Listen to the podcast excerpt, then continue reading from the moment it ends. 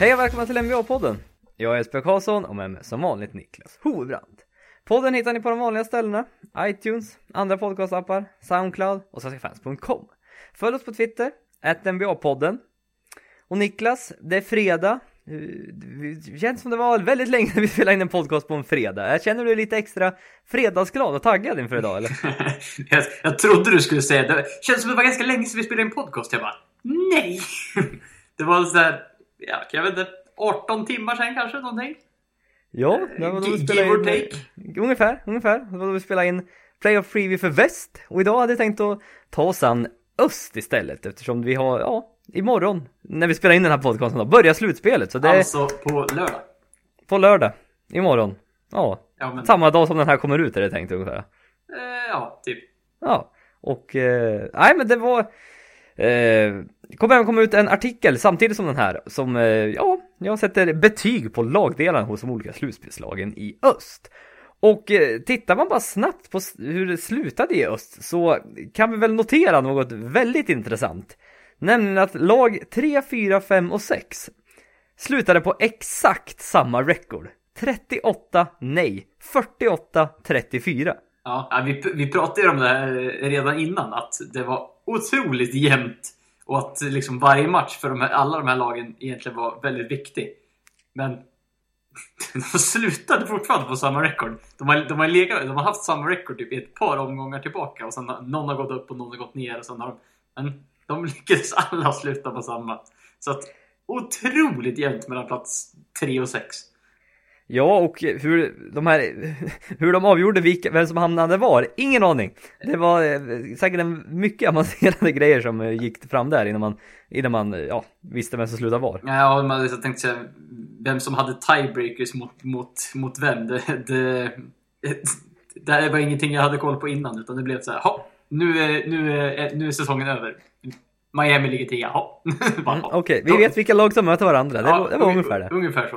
Ja, nej, men som sagt, eh, så, och de, lag mellan, mellan 3 och 6, de kommer möta varandra också i slutspelet, vilket är är intressant eftersom vi, vi kan förvänta oss väldigt jämna matchups och eh, ja men överlag så är det väl mm, faktiskt första rundan i öst lite intressantare för att det känns som det är eh, två väldigt jämna serier och sen två ja, jämnare serier i alla fall än vad det ser ut som i väst. Ja, Golden State och San Antonio har ju stuckit iväg så enormt mycket den här säsongen och är väl de två enskilt bästa lagen.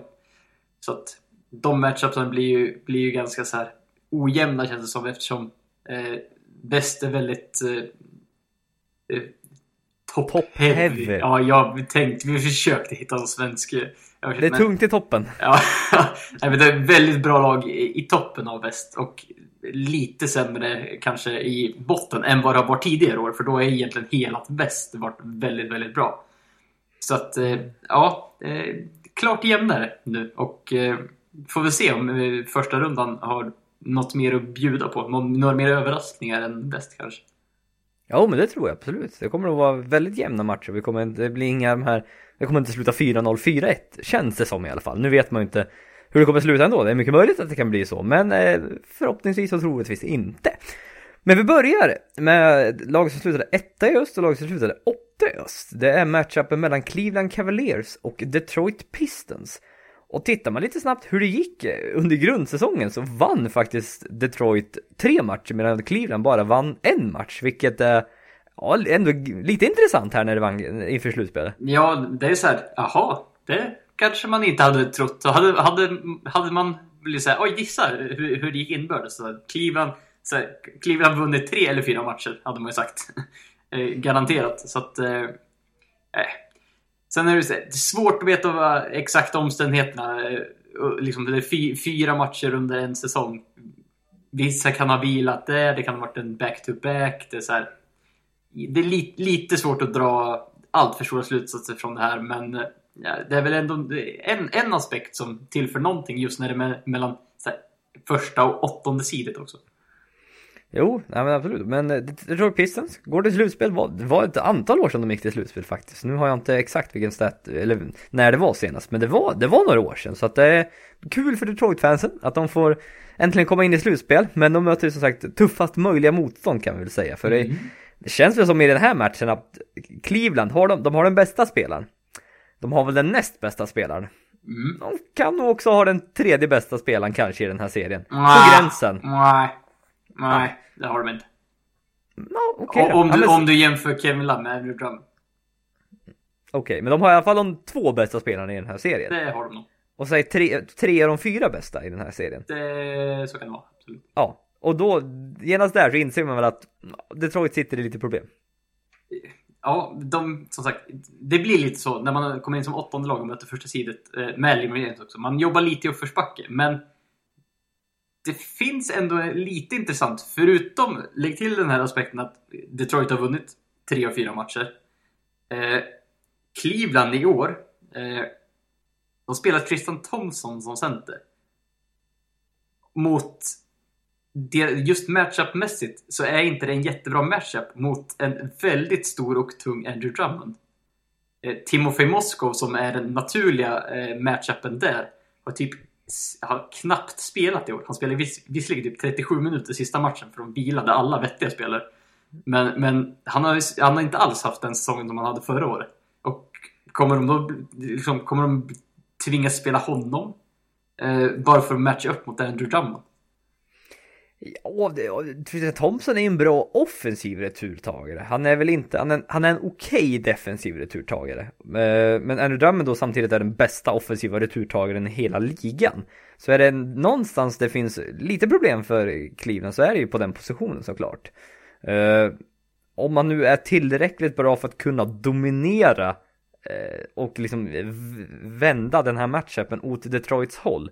Nej, så långt skulle jag väl inte vilja gå. Så, så stor fördel är det inte och så mycket kan inte han göra på Men egen du, hand. Du behöver ju inte enbart kolla på returtagen. Han har ju faktiskt blivit, han har ju blivit en bättre eh, offensiv spelare än Drummond också. Det är så här, han, han måste ha ett visst antal kilo och centimeter på Tristan Thompson. Det är så Det här, är inte så, nej, det är inte så mycket. eh, men kilomässigt, han måste vara tyngre. Han måste kunna backa ner Tristan Thompson. Okej, du tänker så, men Ja. allmänt, ja ja. men Tristan Thompson är väl, mm, känslan för mig, okej postförsvarare. Nu är inte jag, jag tittar alldeles för lite film på Tristan Thompson i defensiva posten om jag ska vara Ja. helt ärlig, för har åsikt om det. Och, och då inte så här fram med advanced defensive stats eller Nej, så att jag, min känsla är att han är en okej post defender. Och att, eh, jag, jag vet inte, jag, det, det oroar mig lite grann för Cleveland, men inte tillräckligt mycket för att det här ska svänga över. Eh, det, sen, vi kan ju... Eh, om, om det är ett potentiellt matchup-problem. Sen har vi också... Detroit har två väldigt bra guards. Eh, I Reggie Jackson och Kentavious, Caldwell Pope. Vem, vem ska Kyrie Irving vakta? Reddy Jackson. Är det en bra matchup för Cleveland? Men samtidigt åt andra hållet, Red Jackson nu inför ett slutspel har haft lite, lite småskadeproblem här och inte riktigt tillbaka i full form, liksom i full fart än. Så att, eh, mm, de har lite, visst, Det är just man, det vill komma till att man kanske inte riktigt kan gömma Kyrie Irving i försvaret. Som man kanske hade kunnat mot, en, mot ett lag som har, har bara en riktigt så här, Den typen Mm. av guards. Nu har Detroit två som kan båda driva mot korgen och hantera boll. Jo, jo absolut. Och eh, Kentavious Caldwell Pope är väl, ja som sagt, det, det, det, jag håller med om att det, är vissa små faktorer som gör att liksom, du, kan, du kan hitta små fördelar åt Detroit liksom. Ja, du, jag, jag, jag, jag kan ju säga så här. Jag, jag sitter ju och bara försöker gå emot Cleveland nu. Sen om Jag du, märker sen, om, det, du sen, är- sen frå, frågar du mig vad jag tror serien kommer sluta. Du, du, du, vet- ju fortfarande vad jag kommer svara. Ja, ja, men Cleveland har LeBron James. Det, det är så det är. Och Kyrie Irving är otroligt bra i offensiven. Kevin Love som, ja, man inte Alltså, riktigt vet vart vi bara- har en. Bara rent talangmässigt eh, har, har det är Cleveland inte- så det är inte mycket riktigt- mer. Nej, det är inte riktigt så nära. För att spelar Cleveland som de ska, så ska de vinna den här matchen. Det är så det är. Ja. Liksom, Andrew Drummond måste tok-dominera det här inside om det ska några problem. Men tittar man vilka Detroit kan vakta LeBron James med, de har väl Tobias Harris, Marcus Morris de kan slänga på honom. Stanley Johnson. Stanley Johnson, möjligen Kentavious Caldwell Pope också. Eh, Så att det finns ändå lite matchups där mot, mot LeBron James. Men eh, som sagt, inte tillräckligt för att stoppa honom och ja, som du, det, det finns, när, när det känns som liksom, ja, Du, du bara nu har vi räknat upp matchup-problem för Cleveland i, på guard-sidan, på, att de kan ha någon som, de har många som kanske kan turas om att vakta Lee James och de har en dålig matchup i, i, liksom i frontcourten. Tror vi på Detroit i alla fall? Nej. Nej, det, Cleveland är för bra helt enkelt. Det, visst, det kan vara små problem, men det känns fortfarande som att eh, eftersom Cleveland är bättre helt enkelt. Spelarna ja. är bättre. Så det spelar ingen roll att jag vet inte, det blir matchup-problem i Clevelands försvar. Nej, men det, det, De är bättre i offensiven ja. och det är större skillnad där än vad det är hos Cleveland känns det som. Ja, det är så. så hade man tagit matchup-problemen är ju lite så här, till viss del storlek, i viss del talang. Men det är så här, hade man dragit upp alla till samma, hade alla legat på samma nivå, då hade det ju blivit mer fördel Pistons. Men nu, nu är det inte riktigt så och Cleveland har ju en har ju en helt annan erfarenhet än vad de här Pistonspelarna har. Pistons är ett ganska ungt lag ändå. Inte så jättemånga som har speciellt mycket eh, viktig slutspelsrutin. Så, så att... Eh, nej, det... Vi, vi, kan, vi kan tala hur mycket vi vill för Detroit, men det, det kommer bli svårt i slutändan i alla fall. Ja, eh, vi kan väl säga att eh, LeBron har inte förlorat en, en första match i första rundan, eller en match i första rundan sedan 2012. Han har aldrig förlorat en, eh, en första runda i ett slutspel. Och eh, när han har spelat för Cleveland och eh, Miami då, under, under sin karriär så är han totalt 47 i första rundan i slutspelet. Och har aldrig spelat mer än sex matcher i en första runda. Så att Nej, jag, så orolig ska väl inte vara. Kan, kan Detroit ta en match tror du? Ja, jag, jag, jag tänkte säga mitt tips skulle nästan vara 4-1 tror jag. Kän, det mm. känns lite, beror lite på Reggie Jackson. Är han tillbaka och uh, spelar ordentligt, då, då tror jag de kan ta en match. Potentiellt två. Om, ja, om, man, ska, om man ska sträcka på det. Men... Ja, jag tror fan inte. Jag, jag är närmare, om det, jag är närmare 4-0 än 4-2 ja, faktiskt. Om jag ska alltså, vara helt ärlig. Så att, 4-1 känns mer rimligt. Mm, ja, men vi tyvärr inte så jämnt kanske. Men, men det känns ganska, kan vara en ganska underhållande serie ändå. Ja, det, det känns som Cleveland... Vi, no, det någon match där, det, där de kommer ha lite problem känns det som. Mm, ja, någon match där inte, alltid inte funkar riktigt. Nej, precis, precis. Uh, vi fortsätter. Nästa matchup. Nummer två, lag nummer två, lag nummer sju. Toronto Raptors mot Indiana Pacers. Och eh, Toronto Raptors som eh, satte ett nytt franchise-rekord eh, den här säsongen. 56 vinster under grundsäsongen. Slutade bara en match bakom Cleveland. Och eh, ja, man vill väl ta sig ur den första runda. Ja, eh, man har ju inte gjort det innan så att det måste ju vara absoluta målet när man liksom slutar tvåa. Uh, vilket, så, sån bra liksom matchup i första rundan, två mot, eh, två, två mot sju har de väl inte haft innan. Så att det här är väl eh, den bästa chansen de har haft. Ja, för förra året ble, ja precis, precis. Ja, förra året blev de swepta av eh, Wizards i slutspelet. 4-0 ja, blev det. Vilket var en väldig överraskning eftersom, vad var de då? 4-5 eller? Ja, 4-5 matchupen var det. Och eh, Washington med Paul Pierce, bland annat i spetsen där, gjorde det väldigt bra och det var Nej, dåligt av Raptors faktiskt. Det var riktigt ja, dåligt nej, slutspelet. Då, då, jag vet, det var ju då Kyle Lowry hade varit bra under säsongen men vi, vi var riktigt dåligt slutspel. ja, fick, helt, helt osynlig. Ja, de, de fick bänkan i fjärde kvarten för att det fanns bättre alternativ då. Det var, det var, jag vet inte vad det berodde på. Det var, det var en då, dålig serie för Toronto så de har nog lite revansch i, i sikte. Mm. En matchup att se, uh, se fram emot här är väl ändå Kyle Lowry mot George Hill. För att jag tror det, det är nyckeln till den här serien. För att uh, Indiana måste få stopp på Kyle Lowry. För att uh, offensiven går igenom honom i Toronto. Och George Hill är en ja, ganska bra försvarare. Kapabel. Och, kapabel försvarare. Och nej, de måste försöka få stopp på honom för att det ska låsa sig för Toronto i anfallet. Ja, och sen visst, du kan väl slänga in DeMar DeRozan mot eh, Paul George eh, som en, en, en, viktig del också. Men det är, så här, bo, det är också båda de, båda de är bra i offensiven, båda är, bra, eh, rätt bra defensivt. Så att, ja, det, det, det, är, det är svårt. Men det var lite, lite spännande att eh, Paul George eh, under säsongen har inte spelat alls bra mot Toronto. Han, har, han, har typ, han är 20 av 65 från golvet under, mm. under de fyra mötena. Och, eh, liksom han, över säsongen har han ju snittat typ 23 poäng per match. Så det här är ju det här är ju liksom bottennoteringar han har gjort i, i just Raptors-matcherna. Mm. Ja men Paul George, han får väl ändå, får väl ändå klassas som den bästa spelaren i den här serien. Men eh, Toronto har ju den näst bästa och den tredje bästa i alla fall.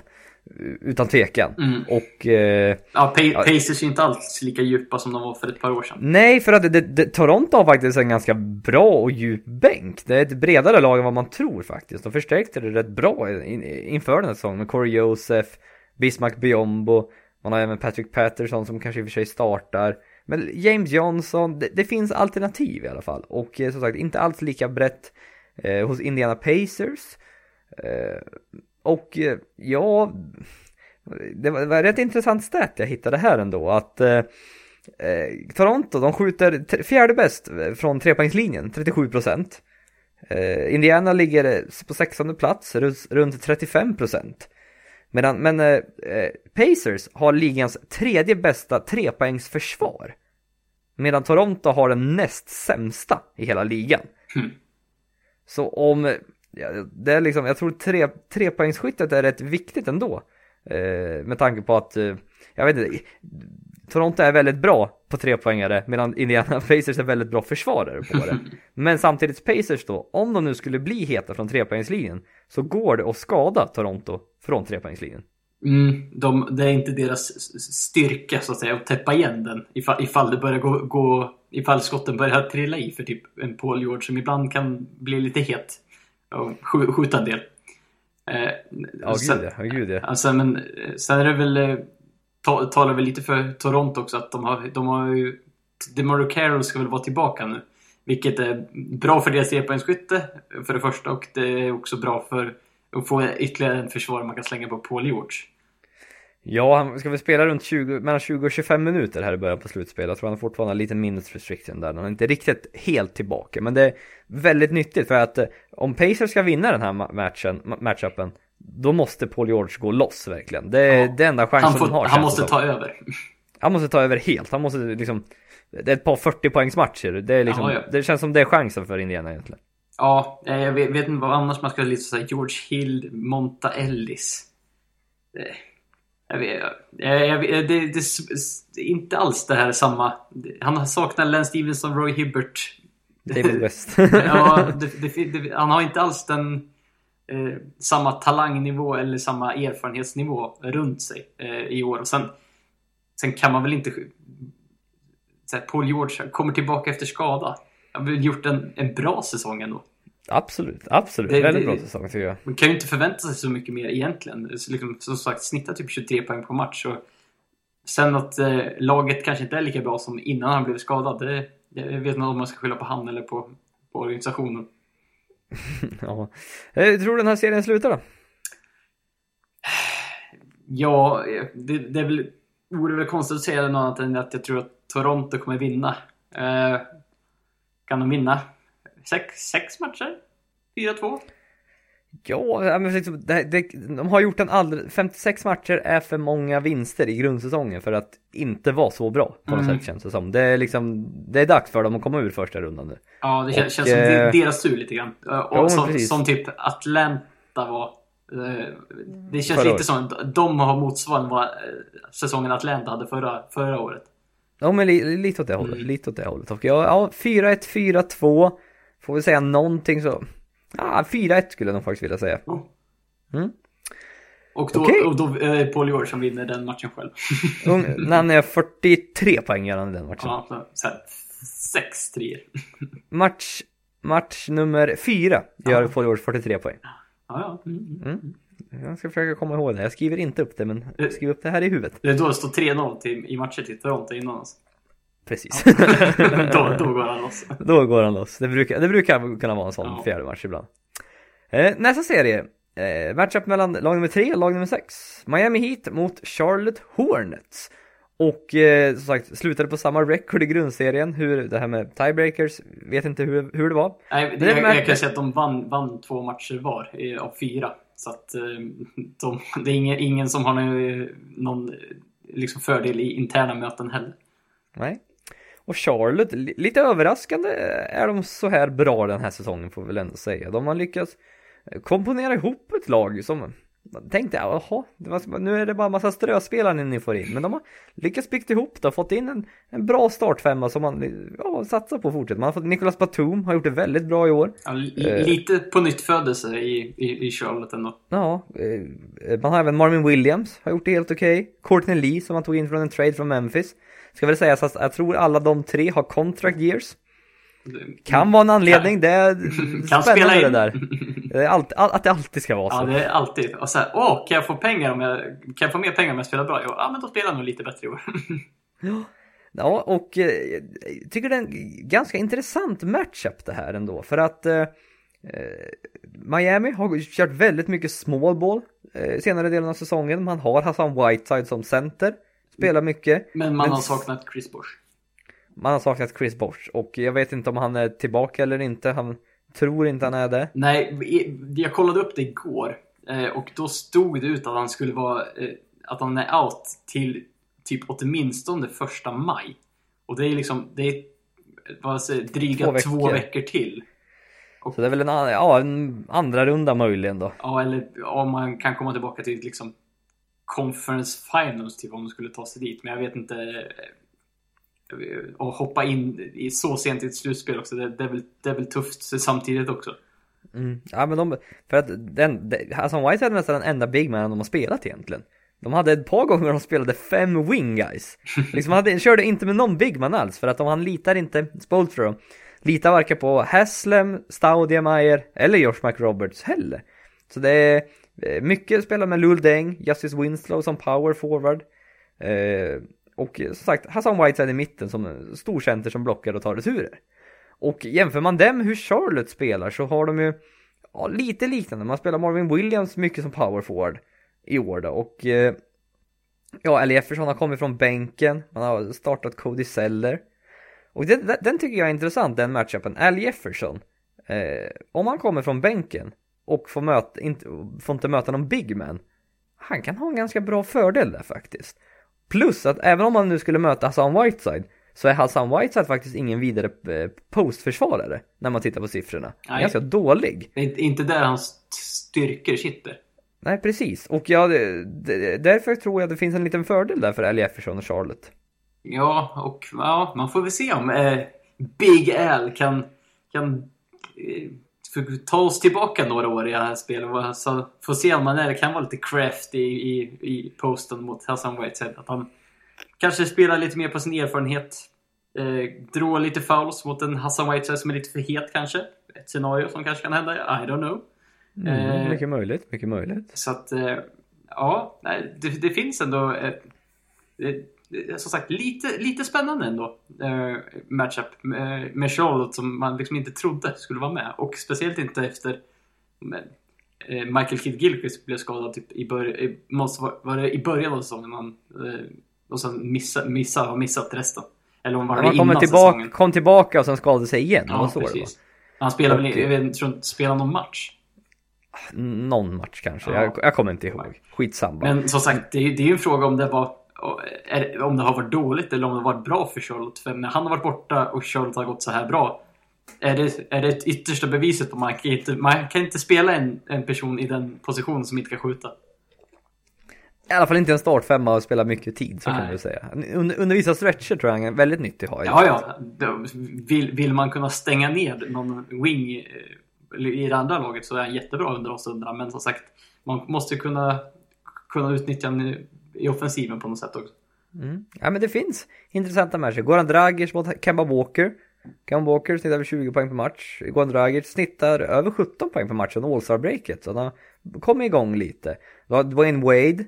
Eh, som liksom, det är hans tid nu känns det som. Nu kommer han eh, slå, på, slå på det liksom, slå på en extra nivå känns det som. Liksom. Ja, det, det, han, det är lite, lite, lite det, är, det är väl hans tid nu i slutspelet. Det, det är jo, nu han precis, ska ste, steppa upp har visat att han faktiskt är fortfarande en, en riktig stjärna. Eh, och liksom, du har liksom Joe Johnson, Lul Deng mot eh, Batum, eh, Alief, eller Marvin Williams.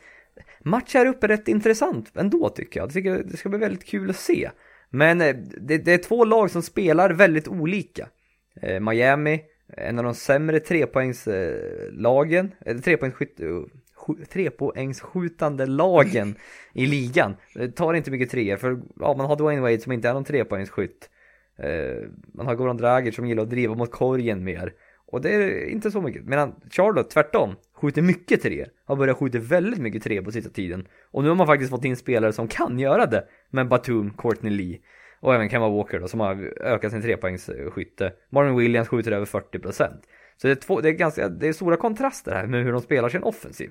Ja, och eh, Hornets eh, högre pace eh, än vad Miami har. Miami så. bättre defensivt. Eh, men sen är det så här, liksom, nu ska vi ta in det här i ett slutspel, en slutspelsmatchup. Eh, Miami har en jäkla erfarenhet som Charlotte har typ enbart från, från typ Batum och kanske L. Jefferson typ. Och, ja. Jag vet Courtney Lee om du så länge, men liksom Miami med Dwayne Wade, Joe Johnson, Lul Deng. Bara den trion. Det är mång, många, många års eh, NBA-erfarenhet bara där. Och alltså, att ha både Dwayne Wade och Joe Johnson typ som eh, isolation-spelare för Miami i slutet av matcherna. Det är, det är, inte så dumt att ha ett slutspel när det blir, ofta, det blir ibland lite, så lite isolations situationer. Ja.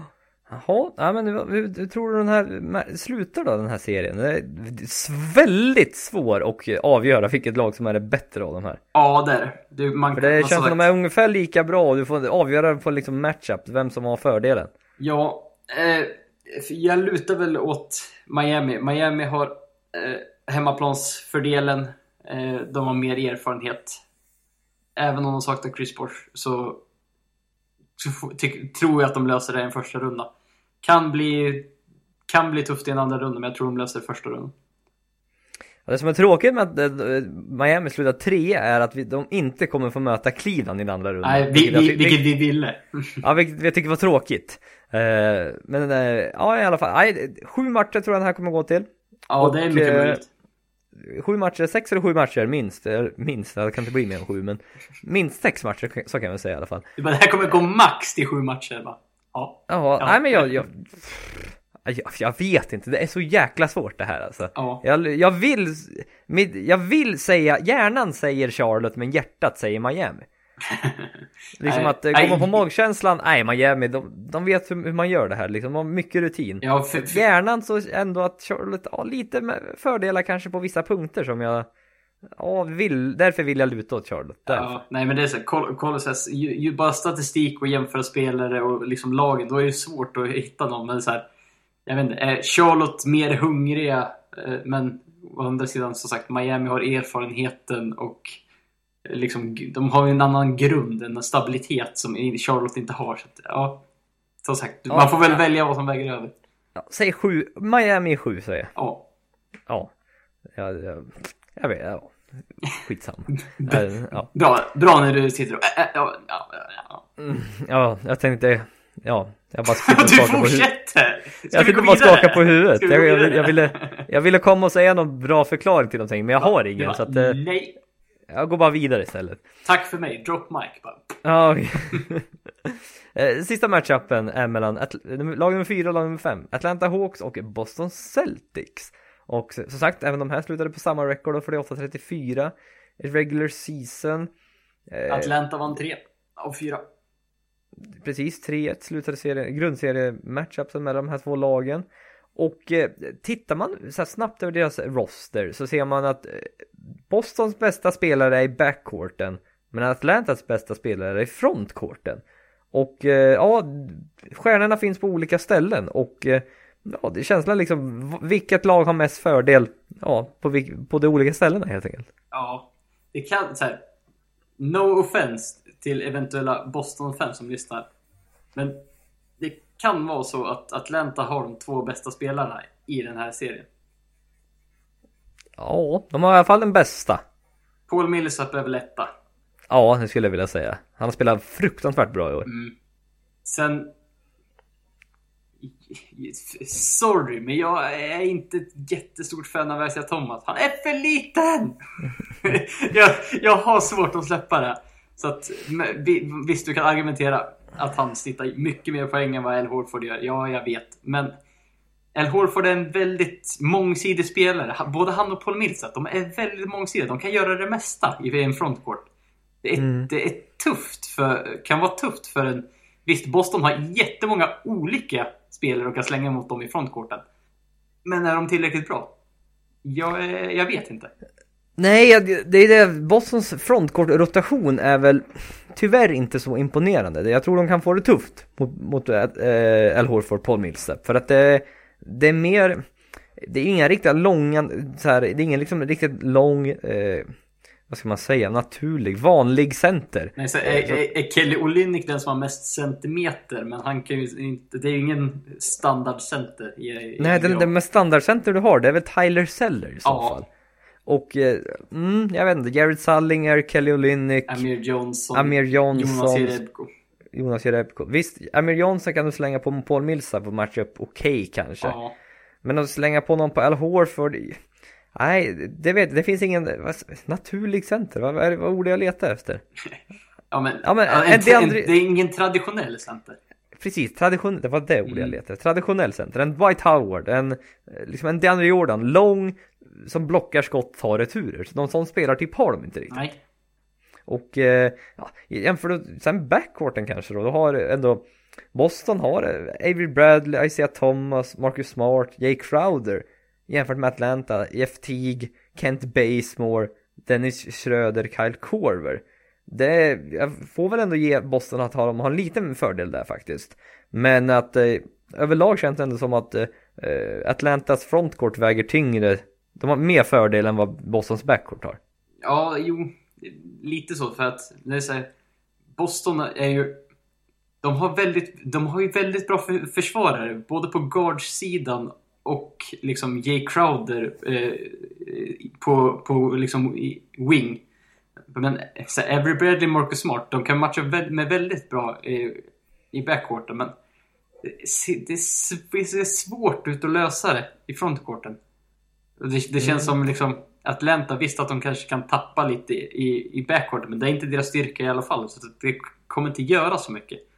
Så att, ja, det, det, känns tufft för Boston, spontant det var, det var en väldigt dålig matchup för dem faktiskt. Ja, det, hade de mött, mött något av de andra två lagen hade jag inte varit lika orolig känns det som. Nej, men så bara, bara ta mot Miami som, som vi pratade om förut, som, som liksom har spelat eh, small ball. Visst, Hassan Whiteside är väl lite av ett problem i alla fall, men han går att ta bort på något sätt. Än, de, än att ha två mångsidiga bigmen.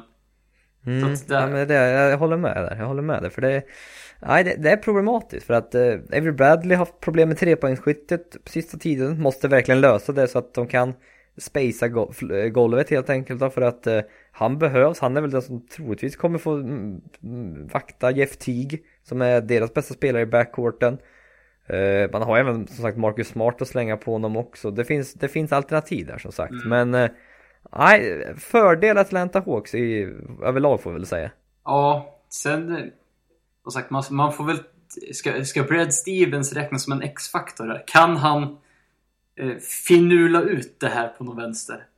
Kan han outcoacha eh, Budenholzer i en sju, i en sju, sju series match? Nej. Jag vet inte hur han ska stoppa dem inside. Jag tror äh, de kommer, då, då, då, de kommer mosa dem inside. Då känns det att då kommer han jag är imponerad om han lyckas, men det känns lite som att han får trolla med knäna i, i det här. Oavsett hur duktig han är som coach. Eh, han och laget har i stort sett minimal slutspelserfarenhet. Atlanta har ändå eh, byggt upp den eh, de här senaste åren. Så att, ja, det är tuff, som sagt tuffaste möjliga matchup för, för Celtic i första runda. Mm. Lite tråkigt för jag gillar verkligen Celtics. De kunde skapa problem för till exempel Cleveland eller något sånt. I år hade de kunnat skapa mer problem än vad de gjort tidigare tror jag. Så är det. Ja, och ja, lite tråkigt. Men eh, hur tror du den här serien slutar då? Det, det kommer ju inte... Det, det, jag känns som de flesta matcher kommer att vara ganska jämna ändå. Det är inte sådana super att det seglar ut åt ett eller annat håll. Så jag vet inte. Det känns som en sån här sex, sex matcher kanske, sex, sju matcher. igen. Ja, ja men exakt. Ja, men det, det, det, det är väldigt jämnt. Det är inte så Ja. att, att, det är inte så att Atlanta kommer vinna varje match med 20 poäng. Nej, absolut nej, nej, så inte. stor fördel har de inte. Men det, Det, det det lutar stor- lite ditåt. exakt, det är en tillräckligt stor fördel för att vi ska tro att det lutar åt, det, åt Atlantas håll helt Ja. enkelt. Och ja men 4-2. Jag är där i krokarna också Ja. och eh, det är min gissning. Ja, det, det, Mm. det, det känns rimligt. Som sagt, lite synd. Skulle vara kul att, att Boston gick, tog sig till, till en, liksom en andra runda, men eh, Atlanta är nog, har nog egentligen mer där att göra. Eh, ja, ja, men det var väl det. Våran playoff preview. Vi kommer komma ut ja, någon gång framöver här kommer vi komma ut med en podcast som vi sammanfattar grundsäsongen och eh, delar ut lite egna utmärkelser som vi gjort tidigare. NBA-podden Awards. Bland annat eh, The Corey Brewer Award. Någon som gör all, mycket, mycket mer poäng än vad man tror att de borde göra. Det var så här, va? Ja, ett va-ögonblick. Ja, Gjorde han så många poäng? Typ när man scrollar igenom Twitter på morgonen efter en NBA, eh, liksom en, en omgång i NBA, som bara "Vä- Vänta, hur många poäng hade han gjort sa du? Bara, Vem? Vem gjorde det? Ja, bara, Ja men det är exakt, ja. Nej, men vi har The New York Knicks Award, ett eh, lag som vi är besvikna på den här säsongen. Mm. Där finns det många kandidater kan jag meddela. Även, ja, årets incident, också väldigt många att eh, välja bland. Så att, eh, det kommer bli ett väldigt kul avsnitt att spela in. Följ oss på Twitter, NBA-podden. Vi får tacka för att ni har lyssnat. Tills nästa gång så får ni det bra. Tack, hej!